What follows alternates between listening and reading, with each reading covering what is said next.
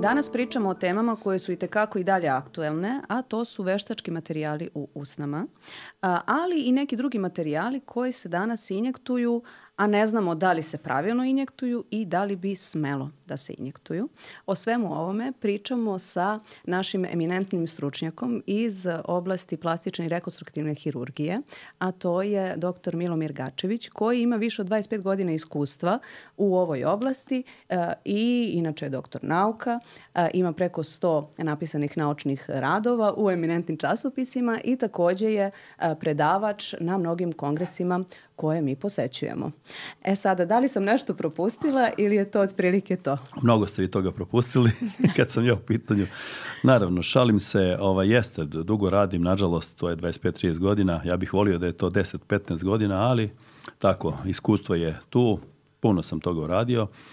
A ovu priču što ste počeli sa eh, ovim filerima ili E, ovdje kod nas e, u Srbiji vole da kaže biopolimerom ili e, tačan, tačan prevodi toga sa silikonom, to traje.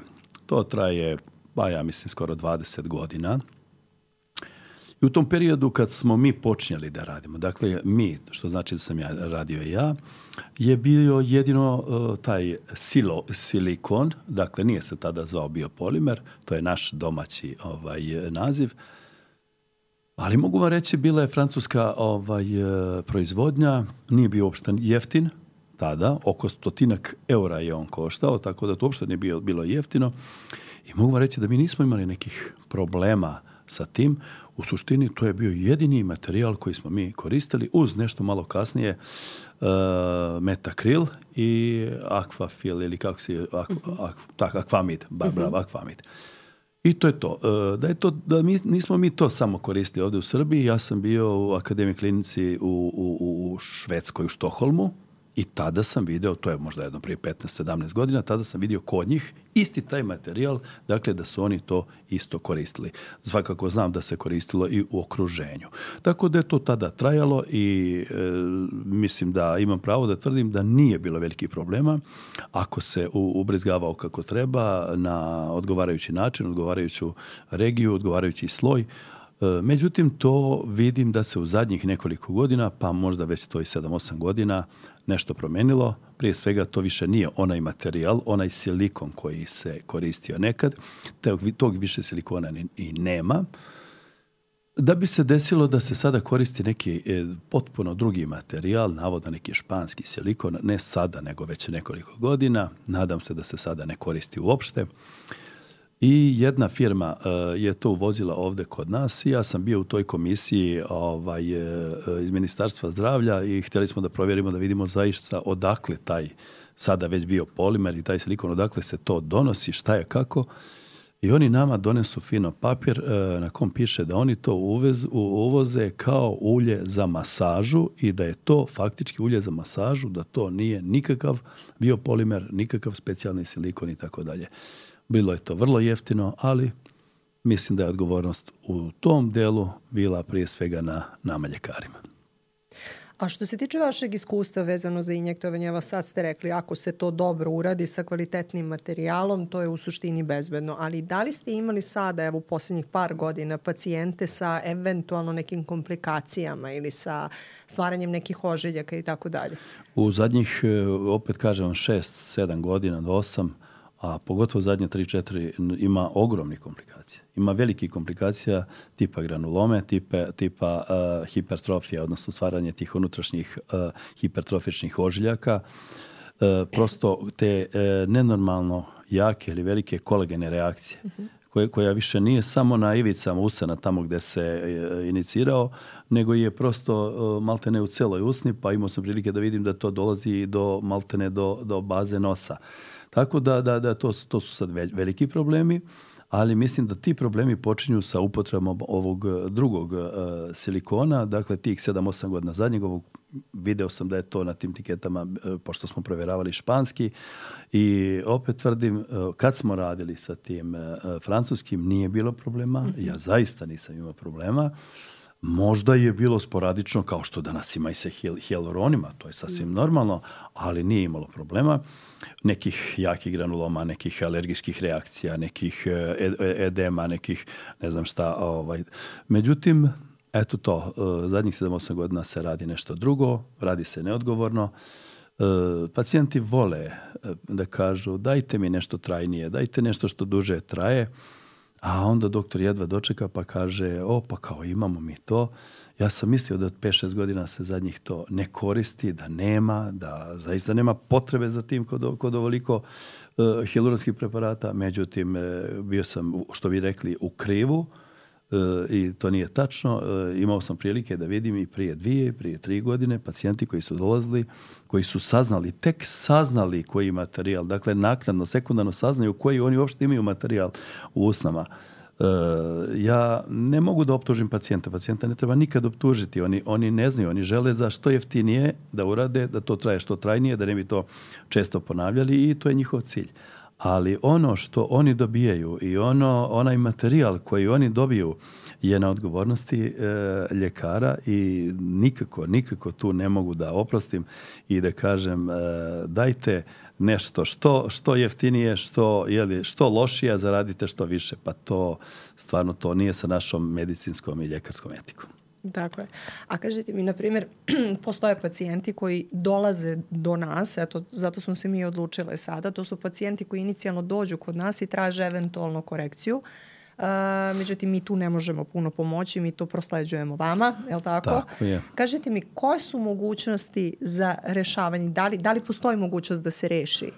Konzervativno vrlo malo. E, pokušavamo nešto sa tim triamcinolonima, je li ubrizgavanje, to i vi znate, ubrizgava se nešto onoliko koliko sme ne onoliko koliko mi to možemo, neko koliko sme, jer e, taj kortikosteroid je s jedne strane ima taj lokalni efekat u smislu topljenja kolagena, sprečavanja pojave novog kolagena, ali isto tako e, ukoliko ga ubrizgamo u, u, jedan e, deo, u većoj količini on napravi takvu nekrozu, takvu ishemiju, takvu depigmentaciju da je ne znam sad koji je veći problem.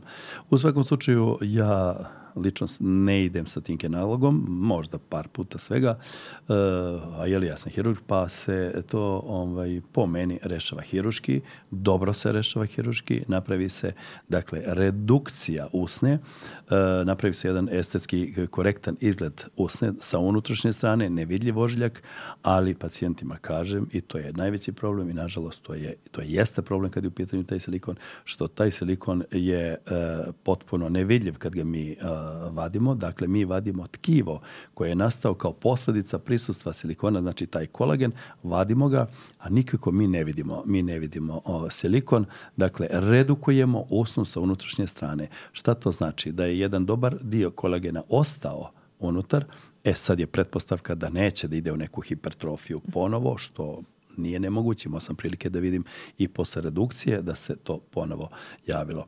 Za razliku od metakrila, evo da se vratim na metakril koji je opet nekim čudnim putevima dolazio od prije isto 15-20 godina iz Brazila, on je nešto drugo. On je, on je potpuno po meni bezopasna stvar i on e, nema tu reakciju stvaranja e, te hipertrofije, kolagena, nekih jakih ožljaka on e, usnu koriguje u onoj mjeri koliko ubacite metakrila. I on je u tako toj polutečnom stanju, E, bjeličaste boje i vi posle 5 deset godina uđete sa roze iglom, malo debljom iglom i vi njega ostranite, izvedite, nemate tu hipertrofiju. Aspirirate, nemate tu hipertrofiju. Tako da je to e, po meni bila bolja opcija za pacijente jer je vrlo jednostavno ga bilo odstraniti. Imamo mi danas dođu pacijenti e, s običnim pipanjem, palpacijom, vi to primijetite jer kad pipate e, hipertrofični ožiljak ili granulom, od, od, od to je tvrdo, to je nenormalno tvrdo i kao kamen što bi rekao. Međutim, kad pipate ovaj, e, metakril, on ipak malo se pomera, fluktuira. E, vidite, osjećaj vam je da to nije tako tvrdo, ali da jeste malo veliko, malo veće nego što treba. Tako da je tu drastična razlika. E sad, moje pitanje je, pošto to je ono što nas pacijenti često pitaju, a to je da li e, bi smelo da kada se stvore ti granulomi od silikona, biopolimera i tako mhm. dalje, eh, da se ulazi iglom ili kanilom i da se popunjava hialuronom između. To je nešto što jako se često traži kao nešto, kao opcija eh, umjesto hirurgije. Koje je vaše... Eh, Sigurno, sigurno. E, silikon ili kako god hoćete e, biopolimer, on nema nikakvu reakciju u smislu da ima e, udruženu reakciju sada sa hialuron, hialuronskim preparatom, dakle neće doći ni do čega. Ja sam to lično radio i nije, nije došlo nikad do reakcije, mislim da neće doći do reakcije, reakcije. Dakle, ali se svakako treba truditi da se ubrizga u onaj deo koji nije je li hipertrofičan, koji nije tvrd, jer vi u taj tvrdi deo ne možete ni ubrizgati, definitivno to je toliko tvrdo, pa vi kad ubacujete taj, taj kortikosteroid, ne možete da ga ubacite, a ne da ubacite hijaluron. Dakle, između, ovaj, ili pogotovo kad se, da se uradi neka marginalizacija, recimo da se uradi i tako dalje, mislim da to može i da nema nikakve, nikakve e, ovaj, e, reakcije. Nije to nigde ništa opisano, ako mislite da ima studija, da ima nekih radova, nema nikakvih radova, iskustvo je što se tiče, međutim logika je da e, nemate reakciju silikona i hialurona. E sad, ono što mene dalje zanima, to je, e, na primjer, sad smo pričali o usnama, ali postoje druge regije tela, kao što je, na primjer, glutealna regija, to je sad jako popularno, ovaj, nekako i, i ovaj, na društvenim mrežama je prisutno da postoje neki fileri ili kolagen stimulatori e, koji se koriste za e, uvećavanje glutealne regije, znači zadnjice, ili, na primjer, popunjavanje jel, onih rupa od celulita. Koje je vaše mišljenje vezano za to da li je to sigurno raditi u uslovima koji ne ispunjavaju sve one ove propozicije. Znači aseps, antisepsa i, naravno, i sve Naravno, naravno, potpuno se razumem. Moje mišljenje kad je u pitanju to je vrlo loše. E, u današnjoj e, sferi mogućnosti da uradite sa sobstvenom masti nema šta ne možete uraditi. Dakle, i popuniti te nedostatke i napraviti gluteoplastiku sa masnim tkivom i tako dalje. To je ubacivati neko strano tkivo privremenog karaktera e, sa organskim primjesama sa mogućnosti da se napravi strašna infekcija. Imao sam nažalost prilike da vidim kod jedne pacijentkinje što je radio kolega koja je jedva ostala pa skoro da jedva ostala živa zbog sepse, zbog toga što je došlo do infekcije tog materijala koji je ubačen. Dakle, ja taj materijal ne radim, znam o čemu se radi. Naravno, imate nekoliko ovaj, preparata, čak ovdje u našem tržištu koji su zvanični, to je sve eh, regularno, ali eh, ja radim uglavnom E, sa implantima, dakle hirurg sam i radim sa implantima i kombinujem sa masnim tkivom. E, ukoliko nema e, potrebe za implantom, sasvim dovoljno može da se uredi tako divno sa masnim tkivom.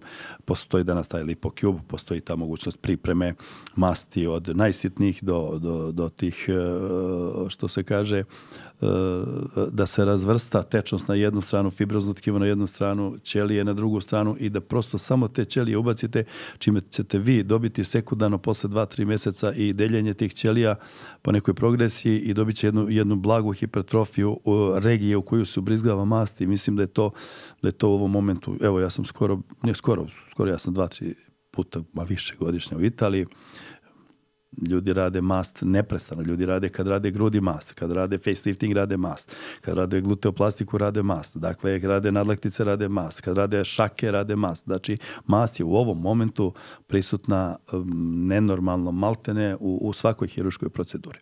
Imate vi jedan drugi problem e, kod nas i uopšte kod ljekara, a to je što Hirurzi e, žele da preferiraju onaj dio koji oni rade, dakle, inače gluteoplastike sa implantima uopšte nisu jednostavne, uopšte nije jednostavna hirurgija i ovdje kod nas u Srbiji imate dva, tri hirurga koji to ukupno rade kako treba, naravno, da se to radi u mišiće ili ispod mišića, a ne subkutano, pa kad vidite implant koji, koji kao, da je, je kao da je nalepljen, to nije gluteoplastika, nažalost imate i to.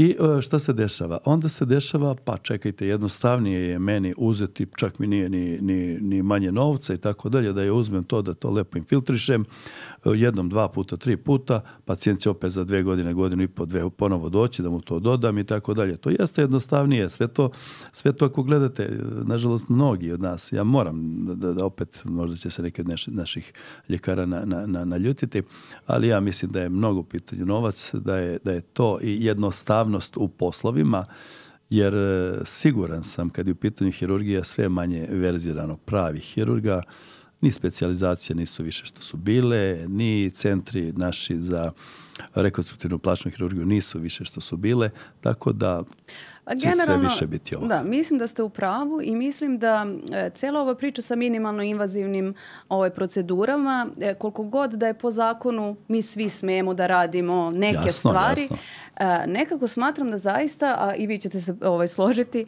nemamo dovoljno znanja o anatomiji, u krajnjem slučaju, evo mi smo, kao, kao dermatolozi znamo kakva je mikroflora kože lica, kakve glutalne regije. Znači nije normalno da se u ordinacijama, ajde sad da ne nabrajam bilo koje druge specijalnosti, osim plastične hirurgije, radi ovako neka ozbiljne pa, intervencija nije, ne nosi rizik od ozbiljnih infekcija pa i nije, sepse. Nije, nije, da nije normalno, pa vi to morate raditi u operacijalnoj sali gdje je ozbiljna priča, gdje je priča što kažete e, mogućnost da se to sve pripremi, gdje imate sam materijal, gdje imate instrumentarku, gdje imate adekvatnu opremu i tako dalje. Pa ja nikad nisam uradio E, e, lipofirming, ni lica, ni gluteusa, ni grudi bez mantila, rukavica, kape i maske, a ne da to radite u ordinaciji, da ne kažem u, u, u, u ljekarskoj ordinaciji na stolu gdje ste sad previjali jednog pacijenta, gdje ste ubrizgavali drugog, gdje ste sređivali akne, gdje ste ovo i vi sad radite lipofirming. Pa gledajte, mast je kao i ostalo vrlo osjetljiva. Mast je, e, toliko je jednostavno baciti infekciju u, u, u, masno tkivo, ali kad dobijete tu infekciju celulitisa ili masno tkiva, mnogo je teško liječiti. Tako je. Mnogo je teško liječiti. Znate kad krene nekroza masnog tkiva, nema kraja. Eh, e, tek onda nastaju eh, deformiteti, eh, punktiranje, i, i šta ja znam. Dakle, nije to baš tako. Ljudima, pacijentima sve to deluje jednostavno, zato i pričamo danas o ovome, a nije jednostavno. Ali gledajte, pacijenti, pacijenti nisu ti koji to... Tako je. pacijent ima samo jedan cilj. Rekao sam vam da, da, da uradi neki estetski zahvat, da nešto uradi i da, pa u najvećem broju slučajeva, vjerujte, da prođe jeftinije.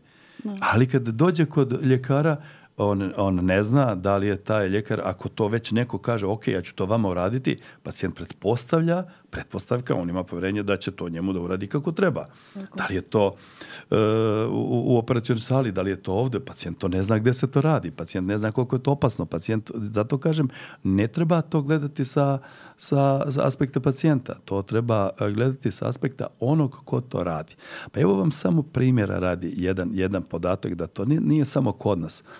Prije dvije i po godine, evo sad će već tri godine, u Velikoj Britaniji je uređeno Mm, botoks je urađen e, na što, je, što je poznato 45.000 devojčica između 14 i 16 godina. Pazite, devojčice su znači to želele da urade. Ali da li su te devojčice znale da taj botoks sa 14 godina ima i kako negativno. One te nisu znale. Ali onaj koji je ubrizgavao, on je to trebao da zna. Mm. Ko je sad ovdje, čija je krivica, je li? Pa ja mislim onoga ko, ko, je to radio, a ne onoga ko je želio da mu se to uradi. E tako vam je to isto i, i, kod nas. Tako da, a, a, ova priča druga, e, da li zna anatomiju, da li ne zna, pa ja sam inače poznat po tome nekoliko puta, ja, dosta sam radio edukacija, da, da nekoliko ljekara nisam htio da potpišem ovaj, kako se zove e, taj certifikat, jer vi e, imate onaj uvod, imate lepo anatomiju, imate ja pitam, dobro, sad to je recimo za botoks bilo konkretno, glabilarnu regiju, pošto jedno vrijeme kod nas ta glabilarna regija bila najaktuelnija, i e, posle završenog svega toga od par sati pitam, ok, aj sad da vidimo koji su mišići glabilarne regije. Naravno, od, od, e, koji su parni koji, od naravno ne, ne zna, ne zna, ne zna e, ma skoro ni jedan on zna na licu, nije bitno, orbicularis oculi, orbicularis oris i to su zigomaticus major minor i to je ono što zna. Mm. A sad pitajte e, zašto je bitan zigomaticus major, zašto je bitan zigomaticus minor. Kad vi uradite hialuronom, kad hoćete sad i ovaj trend da se zigomatična regija podiže E, zbog čega to ide u dubinu, mm, šta vi u suštini, šta vi radite da bi podigli bukalni deo kroz zigomatični deo. To je već velika filozofija.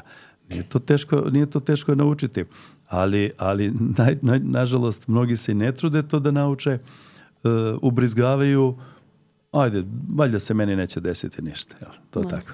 Pa u suštini postalo je previše lako dostupno svima da ovaj, završe neke kurseve i da se ne, ne bave toliko predano tome, ali upravo to je ono o čemu smo ja i Nevena i htela u stvari da pričamo ovo što ste vi sada rekli. I ovde se dosta u stvari svodi i na etiku samog lekara koji Tako sprovodi intervenciju. Ma to je najviše. Pa, pa ja, to, pa ja, ja, ja, ja neću, nećemo da apelujemo, ne možemo mi da apelujemo nekoga ko radi 10-15 koji je završio medicinski fakultet, koji je završio specializaciju, recimo imate dosta koji su završili specializaciju i vi sad trebate apelovati na on radi onako kako treba a ne sa ciljem da li uradi što loši materijal, što manje materijala i, i, i da dobije što više novca. Pa to je, ja ne znam, neverovatno, to je za mene, tu nema etike nikakve, ni ljudske, pa da gledamo sa one moralnog ljudskog, a ne sa našeg e, ovaj, e, ljekarskog stanovišta. To je stvarno, ali ima, nažalost ima, nažalost ima. I još jedna stvar je ovdje vrlo bitna, mi moramo da znamo firme koje uvoze preparate, razno, evo vidite, mi smo sad poplavljeni ovdje u Srbiji raznim filerima, e, nitima, botoksima, nema šta nema. I e, šta je njima cilj? Pa njima cilj je da obuče što više doktora i oni dođu tamo, nakon nekog nađu doktora, e, njih pet, šest se skupi, uradi to za 2-3 sata, ovaj uradi jednog pacijenta i ovi njemu fino sertifikat, vi ste sposobni sad radite. Pa firmi to odgovara. Pa firma nije ta koja će ona niti odgovara ni po koje, u kom osnovu. Firmi je bitno da je taj preparat registrovan u ovoj državi, i da se I proda. Da I da se proda. I da ste vi ljekar taj koji... A da li ste vi verzirani firmi, to nije, nije, nije, bitno. Ali je bitno, vi sad kao dobijate neku sigurnost zato što imate certifikat koji vam je dao, neću sada pomijem jednu firmu, neka firma uvoznik to je jedno vrijeme bilo. Bio je pokušaj, bila napravljena je komisija, pokušalo se bilo da se, da se stvarno napravi neki, neki red.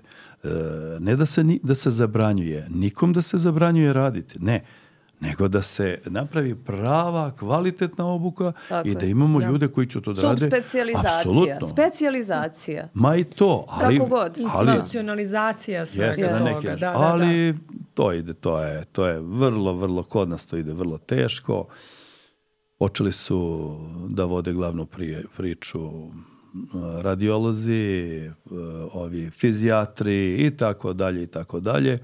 Dakle, tu nema skoro ni dermatologa, da ne kažem plašnih reaktivnih hirurga. Dermatologa ima najmanje, ja bih da, rekla. E, da, stomatolozi, stomatolozi grudni hirurzi, ne mogu da se sad, da ne kažem opšti hirurzi, znači e, svi su počeli. Ja nemam ništa, ni protiv koga, svi nek rade, to je sve, ali samo nek se radi kako treba i to je e, za mene zakon. A smatrate da će se u jednom trenutku estetska medicina izdvojiti kao zasebna specijalizacija za 10-20 godina? U smislu minimalno invazivnih, znači ne, ne mislimo na, na... Ne mislimo na... Ne, hirurgija ne, pričam samo ovim nekim minimalno ja, potpuno, invazivnim. Potpuno ja vas e, razumijem. E, to je možda jedini način jedini način da se izađe iz ovog ambisa uh, da je to jedini način da, e, kaže, da se kaže čekajte, do sada imamo i bilo je dozvoljeno dermatolozima, plastičarima, stomatolozima ili svim ljekarima koji od sada tog datuma ti će jeli da budu pa da prođu, dozvoljeno je samo onima koji su završili specijalizaciju iz estetske hirurgije, smjer dermatologima smo i svoj smjer, e, ne znam i tako dalje. Po meni je to jedini način, sve drugo i lično mislim da e, ovo e, kozmetiku ili konzervativnu ili ovu minimalno invazivnu estetsku hirurgiju apsolutno ne treba, ne treba poistovjećivati niti je treba e, stavljati u isti koš sa, sa e, estetskom hirurgijom u pravom smislu hiruškom e, dela i ovog neinvazivnog dela. To su potpuno dve stvari. Šta, šta znači da sad plaćni hirurg treba 5-6 godina bude na specijalizaciji i opet se vraćam, opet se vraćam. Ja sam specijalizirao u, u momentu kad je to kad je bilo nenormalno puno pacijenata i e, rekonstruktivne i estetske i, i, i opekotine i tako dalje. Međutim, to danas ne možete vi da u jednoj kući imate 100 specijalizanata, imate tri mentora, i da tih 100 pa, specijalizanata specijaliziraju 5 ili 6 godina, pa nek specijaliziraju 50-60 godina, ne može imati toliko pacijenata da, oni nešto nauče, a, nauče, a pogotovo ne, ne, kad je u pitanju estetika, jer estetike više nema u takvim kućama. Tako da mnogo toga e, se ne želi riješiti, mnogo toga se pokušava riješiti, ali mislim da to neće ići tako brzo. Da, sporo je to kod nas. Mhm. Da. E sada što se tiče, na primjer, kako je vaše iskustvo vezano za e, korekciju nosa, mi smo skoro pričali ovaj, o tome u prethodnoj epizodi, za korekciju nosa hijaluronskim filerima. Da li vi to podržavate, da li smatrate da je taj rizik koji nosi ova intervencija opravdan ili ne? I da li to vama pravi sutra, kada operišete taj nos, neku vrstu komplikacija ili ne? Evo gledajte, e, odlično mi je pitanje. E, ja nemam ništa protiv e, takve korekcije nosa, međutim ima tu nekoliko stvari. Moramo prvo, korekcija nosa filerima, imate korekciju nosa filerima neoperisanih noseva, a imate korekciju operisanih noseva. Dakle, vi kad operišete, postoji mogućnost blage asimetrije, nekog udubljenja i tako dalje i to može fino filerima da se koriguje privremeno, pogotovo što taj kolagen deo posle i ostaje i to se posle dva, tri ubrizgavanja maltene izjednači. To je ok. Međutim, postoje i te korekcije e, kod noseva gdje stvarno možda hirurgija nije potrebna nije potrebna, da se malo podigne vrh nosa, da se taj deo e, prema glabeli e, malo koriguje u nekoj umjerenom delu i ja to podržavam. Ili neki mali deformitet, neka, neka devijacija dorzu e, dorzuma ili ovog gornjeg dela, pa se to malo doda, ja to podržavam. Međutim, to je mač sa dve oštice. Evo, Najveći, najveći broj komplikacija, kad su u pitanju e, ovaj, e, hiluronski preparate, sad se potpuno opredivljene hiluronski preparate, za korekciju ovaj, na licu je, su komplikacije na nosu. Dakle, to treba znati. Anatomija niti je neka komplikovana, ništa, ali isključivo raditi sa e, kanilama, 22, 23. Dakle, preko toga raditi isključivo. Mislim da mi svi znamo dobro ovaj, da na nosu nemate mnogokrnih sudova i kad se napravi obstrukcija, lično sam imao takav, takav primjer, kad se napravi obstrukcija i ishemija vrha nosa i dela dorzuma je za 20 sekundi. 20 sekundi. Vi to morate da rešavate. Dakle, e, posle toga, kad sam imao taj problem, rješio sam ga s hilorundazom iz tog momenta, e, oblogom i to je, to je, to je, to je riješeno. E, to je bio problem kod jedne pacijentinje koja je imala e, helionazorafiju i tako dalje, odnosno rase pusne i nepca i to je već nešto drugo što mi je malo bilo čudno gdje je korigovani nos. U dva navrata je korigovan nos hiruški pre toga da se potrefi krvni sud, ali eto vidite, sve može. Sa kanilom kad radite, mislim uh, da neće da bude problema. Samo da kažemo ovaj, gledalcima, kanila je tupa igla Jeste, malo, i zato je sigurnija. Apsolutno. Ona ne može da ubode u krvni sud. Pogotovo ako je to 20, šta znači 22, 23 geđa, to je malo deblja igla, e, ne baš ona, ona jer igla već se 27 geđa se može ponasati kao, igla. kao igla. Kanila kao igla, da, da, jer može da se uđe u krvni sud. E, ove ne. I ja nisam imao nikad problema, mislim da, da neće imati problema, ali opet još jedna stvar.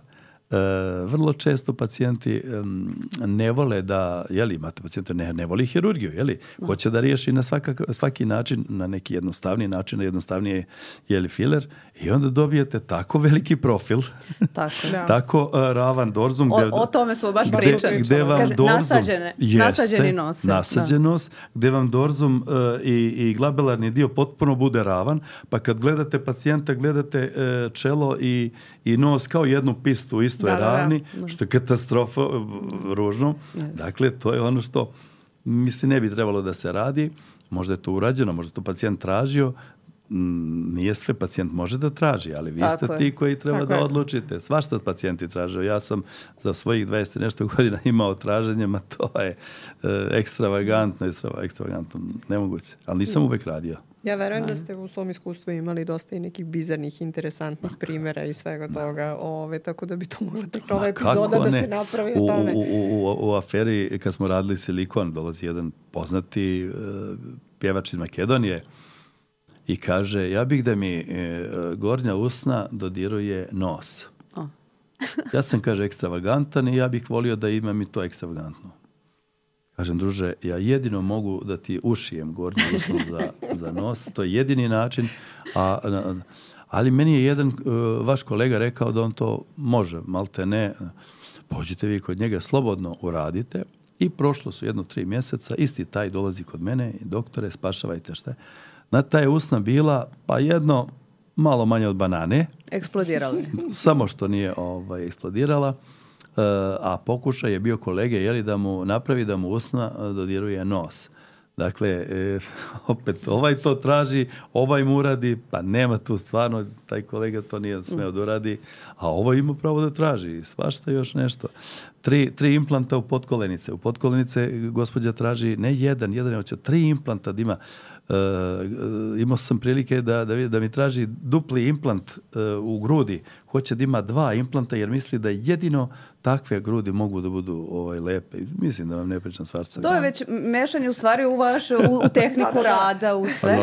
E pa eh, zato smo, da, zato smo baš pričali o ovom injektovanju nose jer to onako pacijentima deluje kao mnogo jednostavna intervencija, pun je Instagram, pun je TikTok tih intervencija da se iglom onako ulazi, jel? Bez aspiracije, bez ičega, I, a ne priča se o mogućnosti, ok, prvo kroze, znači da se potpuno destruiše tkivo, nepovratno, i ne priča se, jako se malo priča o e, mogućnosti e, slepila. Slepila. To je potpuno druga priča, e, odnosno sad već treća priča, nije bitno. E, slepilo je Evo ako gledamo, sad se moramo vratiti malo i na anatomiju. Ako imate facijalnu arteriju koja se nastavlja na, dorzali snazi, e, dorzali snazi se spaja sa supratrohlarkom. To je jedino mjesto gdje e, sliv karotis eksterne i karotis interne, to je vanjska arterija i unutrašnja koja ide kroz glavu, to je jedino mjesto gdje se one, one komuniciraju. Na mjestu gdje se spaja ta dorzalna arterija i trohlarga ide, ostaje, odvaja se oftalmika. To je jedna nežna arterija koja e, ide direktno u bulbus. E, čak ne morate da je ubodete, čak je mogu teške bosti, ali je toliko nežna da je dovoljno da inicirate u tu regiju neki od materijala, pa čak i mast, da napravi kompresiju i E, vi ste završili, e, bulbus je osjetljiv kao i mozak, za nekoliko minuta ukoliko nema e, vaskularizacije gubi se vid i to trajno. Dakle, to je jedna ozbiljno, ozbiljna komplikacija. Ja kad sam u svoje vrijeme bio na, na obuci iz filera u Pragu, u Hamburgu, ne znam ne i tako dalje, ovaj, ta regija, ta regija tog kantusa ili unutrašnjeg ugla E, oka s jedne i druge strane naravno i deo, e, deo e, dorzuma nosa sa lateralni deo je bila uvijek crvena zona. Da. Crvena zona i tu ne, nije bilo dvojbe da se nešto ubrizgava. To ta anatomija se nije promijenila, anatomija je ostala ista, moguća komplikacija je ostala ista i ta, jer ta regija je i dalje crvena zona. I to je tačno, mogu, može da se, da, se, da se desi komplikacija. Na susreću nisam, naravno nisam imao, nisam ni video, ali sam video recimo u Pragu nekoliko primjera su pokazali što se to desilo. Isto tako sam e, video pacijenta, e, opet može da se desi, svima može da se desi, e, rad sa botoksom gdje gde je kolega, ok, nas je na regija, ajde sad imamo i to čelo, pa imamo periorbitalno. Međutim, znate, pacijenti, evo vidite kao ove moje bore silne, e, e, traže da se te sitne bore ne vide. To je vrlo i, često. Vrlo često. I pazite, šta se dešava? E, znamo dobro da postoje ti rektusi koji gledamo, pokreće bulbus očnu jabučicu gore, dole, lijevo, desno i kad botoks ako se malo ubrizga dublje, Botoks jednostavno uđe e, oko orbite i dođe do tog mišića i napravi njegovu e, relaksaciju. I oko bježi u jednu stranu, pacijent jednom mjesec, mjesec i po dana vidi E, e, dva doktora, dvije slike i tako pa dalje.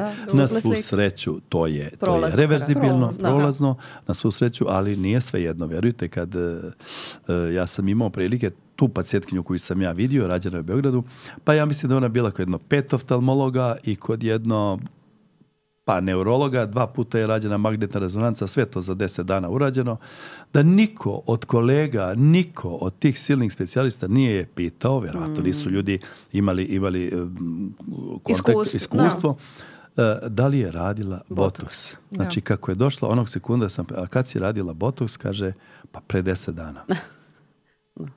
Sve ti je jasno sve je jasno. Proći ćete, ali ne znam kad.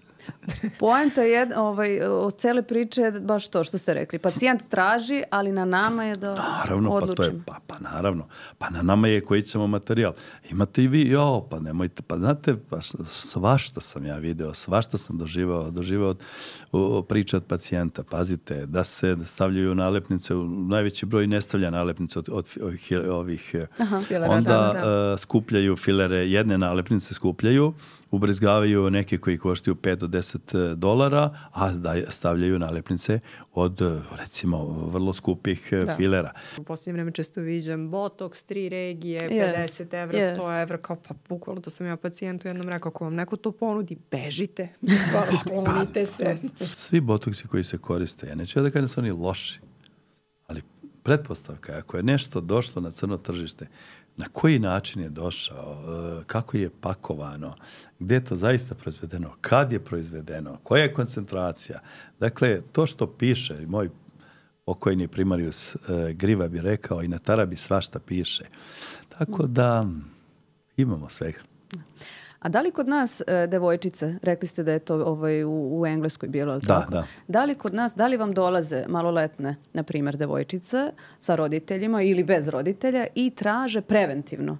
na primjer, da rade botoks ili da rade, na primjer, hialuron usnama. I da li je to, da li smatrate da je to danas, to je jako popularno, to je sve prisutno na društvenim mrežama, preventivno, jedno, drugo, e, peto. Da, da, ima, ima, ima, ali ne toliko, ne toliko. Uglavnom više hialuron i više usne to ima tu malo tu pred te, kako se zove, ovaj, pred mature, gdje nemaju još 18 godina, pa imaju 17 godina.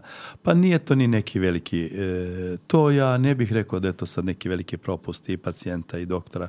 Devojka sa 17-18 godina, da li ona ima e, fizički, da li ima baš 18, to mislim da to nema. Čak e, uz potpis oca i majke ili jednog od roditelja mi radimo i nos sa, sa 17 godina. Dakle, pogotovo kod devojaka koje, kad vi napravite endokrinološki zaključak, ona je potpuno zrela. Danas devojke sa 13-14 godina su zrele. Znači, to je već 3-4 godina iza nje. Tako da nije to neki veliki problem. Za, e, za botoks e, manje dolaze, ne bih ga preporučio da se radite, jer nema niti jedan razlog da se uradi. Ako neko ima tanku usnu, to je u redu.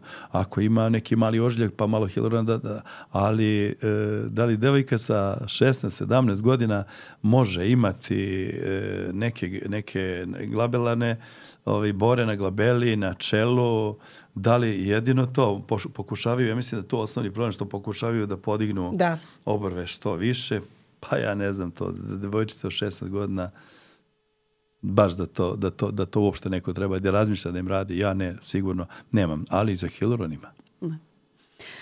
O, što se tiče baš ove toga što ste rekli, taj mačkasti pogled i to, eto, samo smo još to hteli da negde spomenemo. Pričali smo baš ove, isto nedavno o toj ailinizaciji. znači bukvalno svi ličimo malo, jel, počinjemo da ličimo na ove, ba, baš na vanzemaljca, ali stvarno to je postalo sad onako malo previše ovaj, malo se preteruje u tome. Ja ne znam koliko je to kod vas straženo da e, baš tako, znači da se dođe i kaže ja želim jagodice pa vam pokažu sliku Bravo, od ove osobe, a usne od ove yes, osobe. A lica nema nigdje, samo jel? Yes, I onda vi pazite, Imate, imate jedno lice, kod one osobe je jedno lice okruglo, ovo je jajasto, znači vi nemate nikakvu, a pogotovo, znate kako je to kad za nos, to najviše imate za nos. I onda samo donesu onako izolova nos. Ja, meni se taj nos sviđa. Čekajte, ali hoću da vidim cijelo lice. Ja pravim noseve prema licu, ne pravim prema nos prema nosu. To nema nikakve veze. I tako, imate ove tvigi, pigi, ove noseve što su pravile po Grčkoj. To je dobro, dobro, nek nastave. Evo ih sve više dolaze. ja ne znam ovaj, kakvi su to nosevi. Pa to su, oni mali prčasti, je, je, oni mali ovako gdje vam izvade i tu triangularnu hrskavicu i onda kad, pogotovo što devojke vežbaju, sad počnu da, da, dišu na nos i ono, ono da, da, hoće da se udave, znate.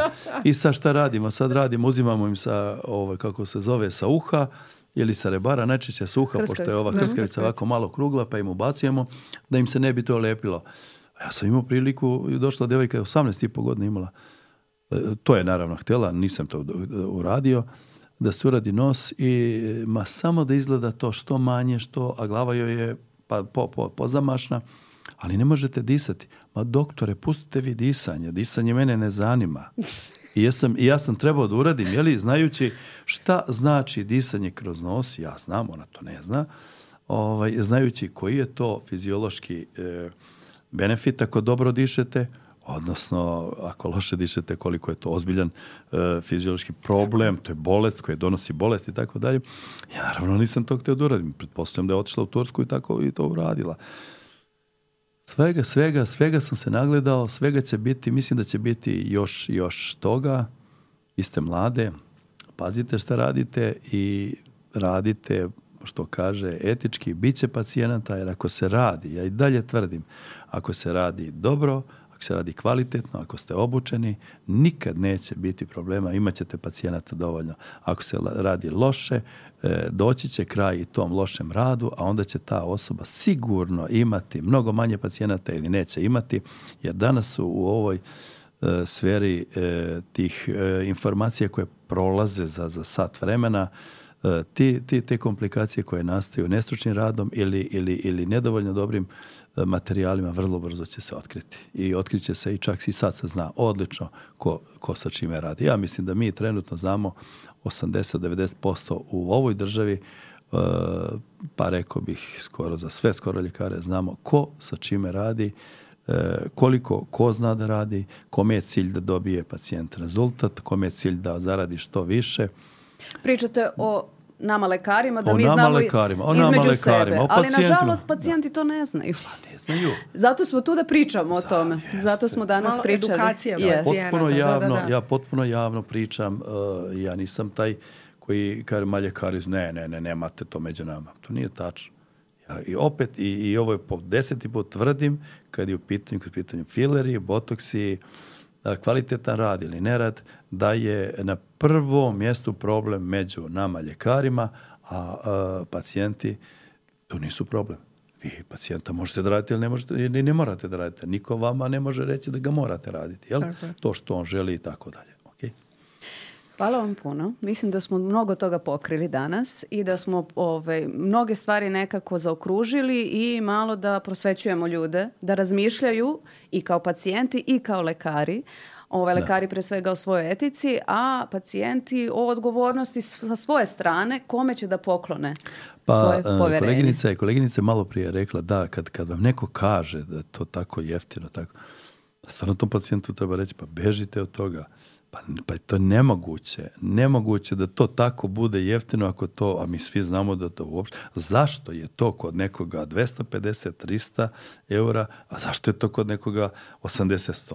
Pa valjda je e, dovoljno e, logike kod svakog živog čovjeka da razmisli pa čekajte, nešto nije u redu. Zašto ovaj radi, zašto učinu? Znači, postoji neki, e opet taj zavalji novac izgleda veliki problem i, i to navodi mnoge pacijente na upravo ovaj, traženje tih jeli, e, jeftinih, e, a rekao bih i slabo kvalitetnih procedura. Da, ali to je ono što ste rekli, u jednom trenutku će se samo kvalitet ja se, izdvojiti. Ja se nadam. Ja evo, ja, evo, pazite koliko, recimo kod mene u bolnici mi stvarno radimo ozbiljno, nemam, nemam riječi. Ovaj, mi trenutno možda nemamo pre 20. januara ni jedno mjesto slobodno za, za hirušku intervenciju.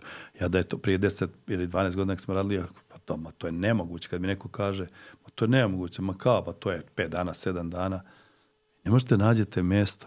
Znači, ali verujte, to je nastalo jednim ozbiljnim, ozbiljnim radom i preporukom. 80-90% e, pacijenata koji mi radimo i danas i sutra i svaki dan su e, preporuka onih koji su bili, koji su radili, koji imaju rezultat. Najmanje možemo mi da se reklamiramo kroz milion stvari, ali ipak e, ljudi, jedan veliki broj e, preporuku, vjeruju svom prijatelju, vjeruju svojoj drugarici i kad joj ona kaže, ovaj, mislim da je to najbolja stvar. Hvala još jednom na svemu Hvala i na gostovanju i nadam se da ćemo se družiti još u nekoj narednoj epizodi. Uvek, uvek. Ja mogu da pričam kad god hoćete.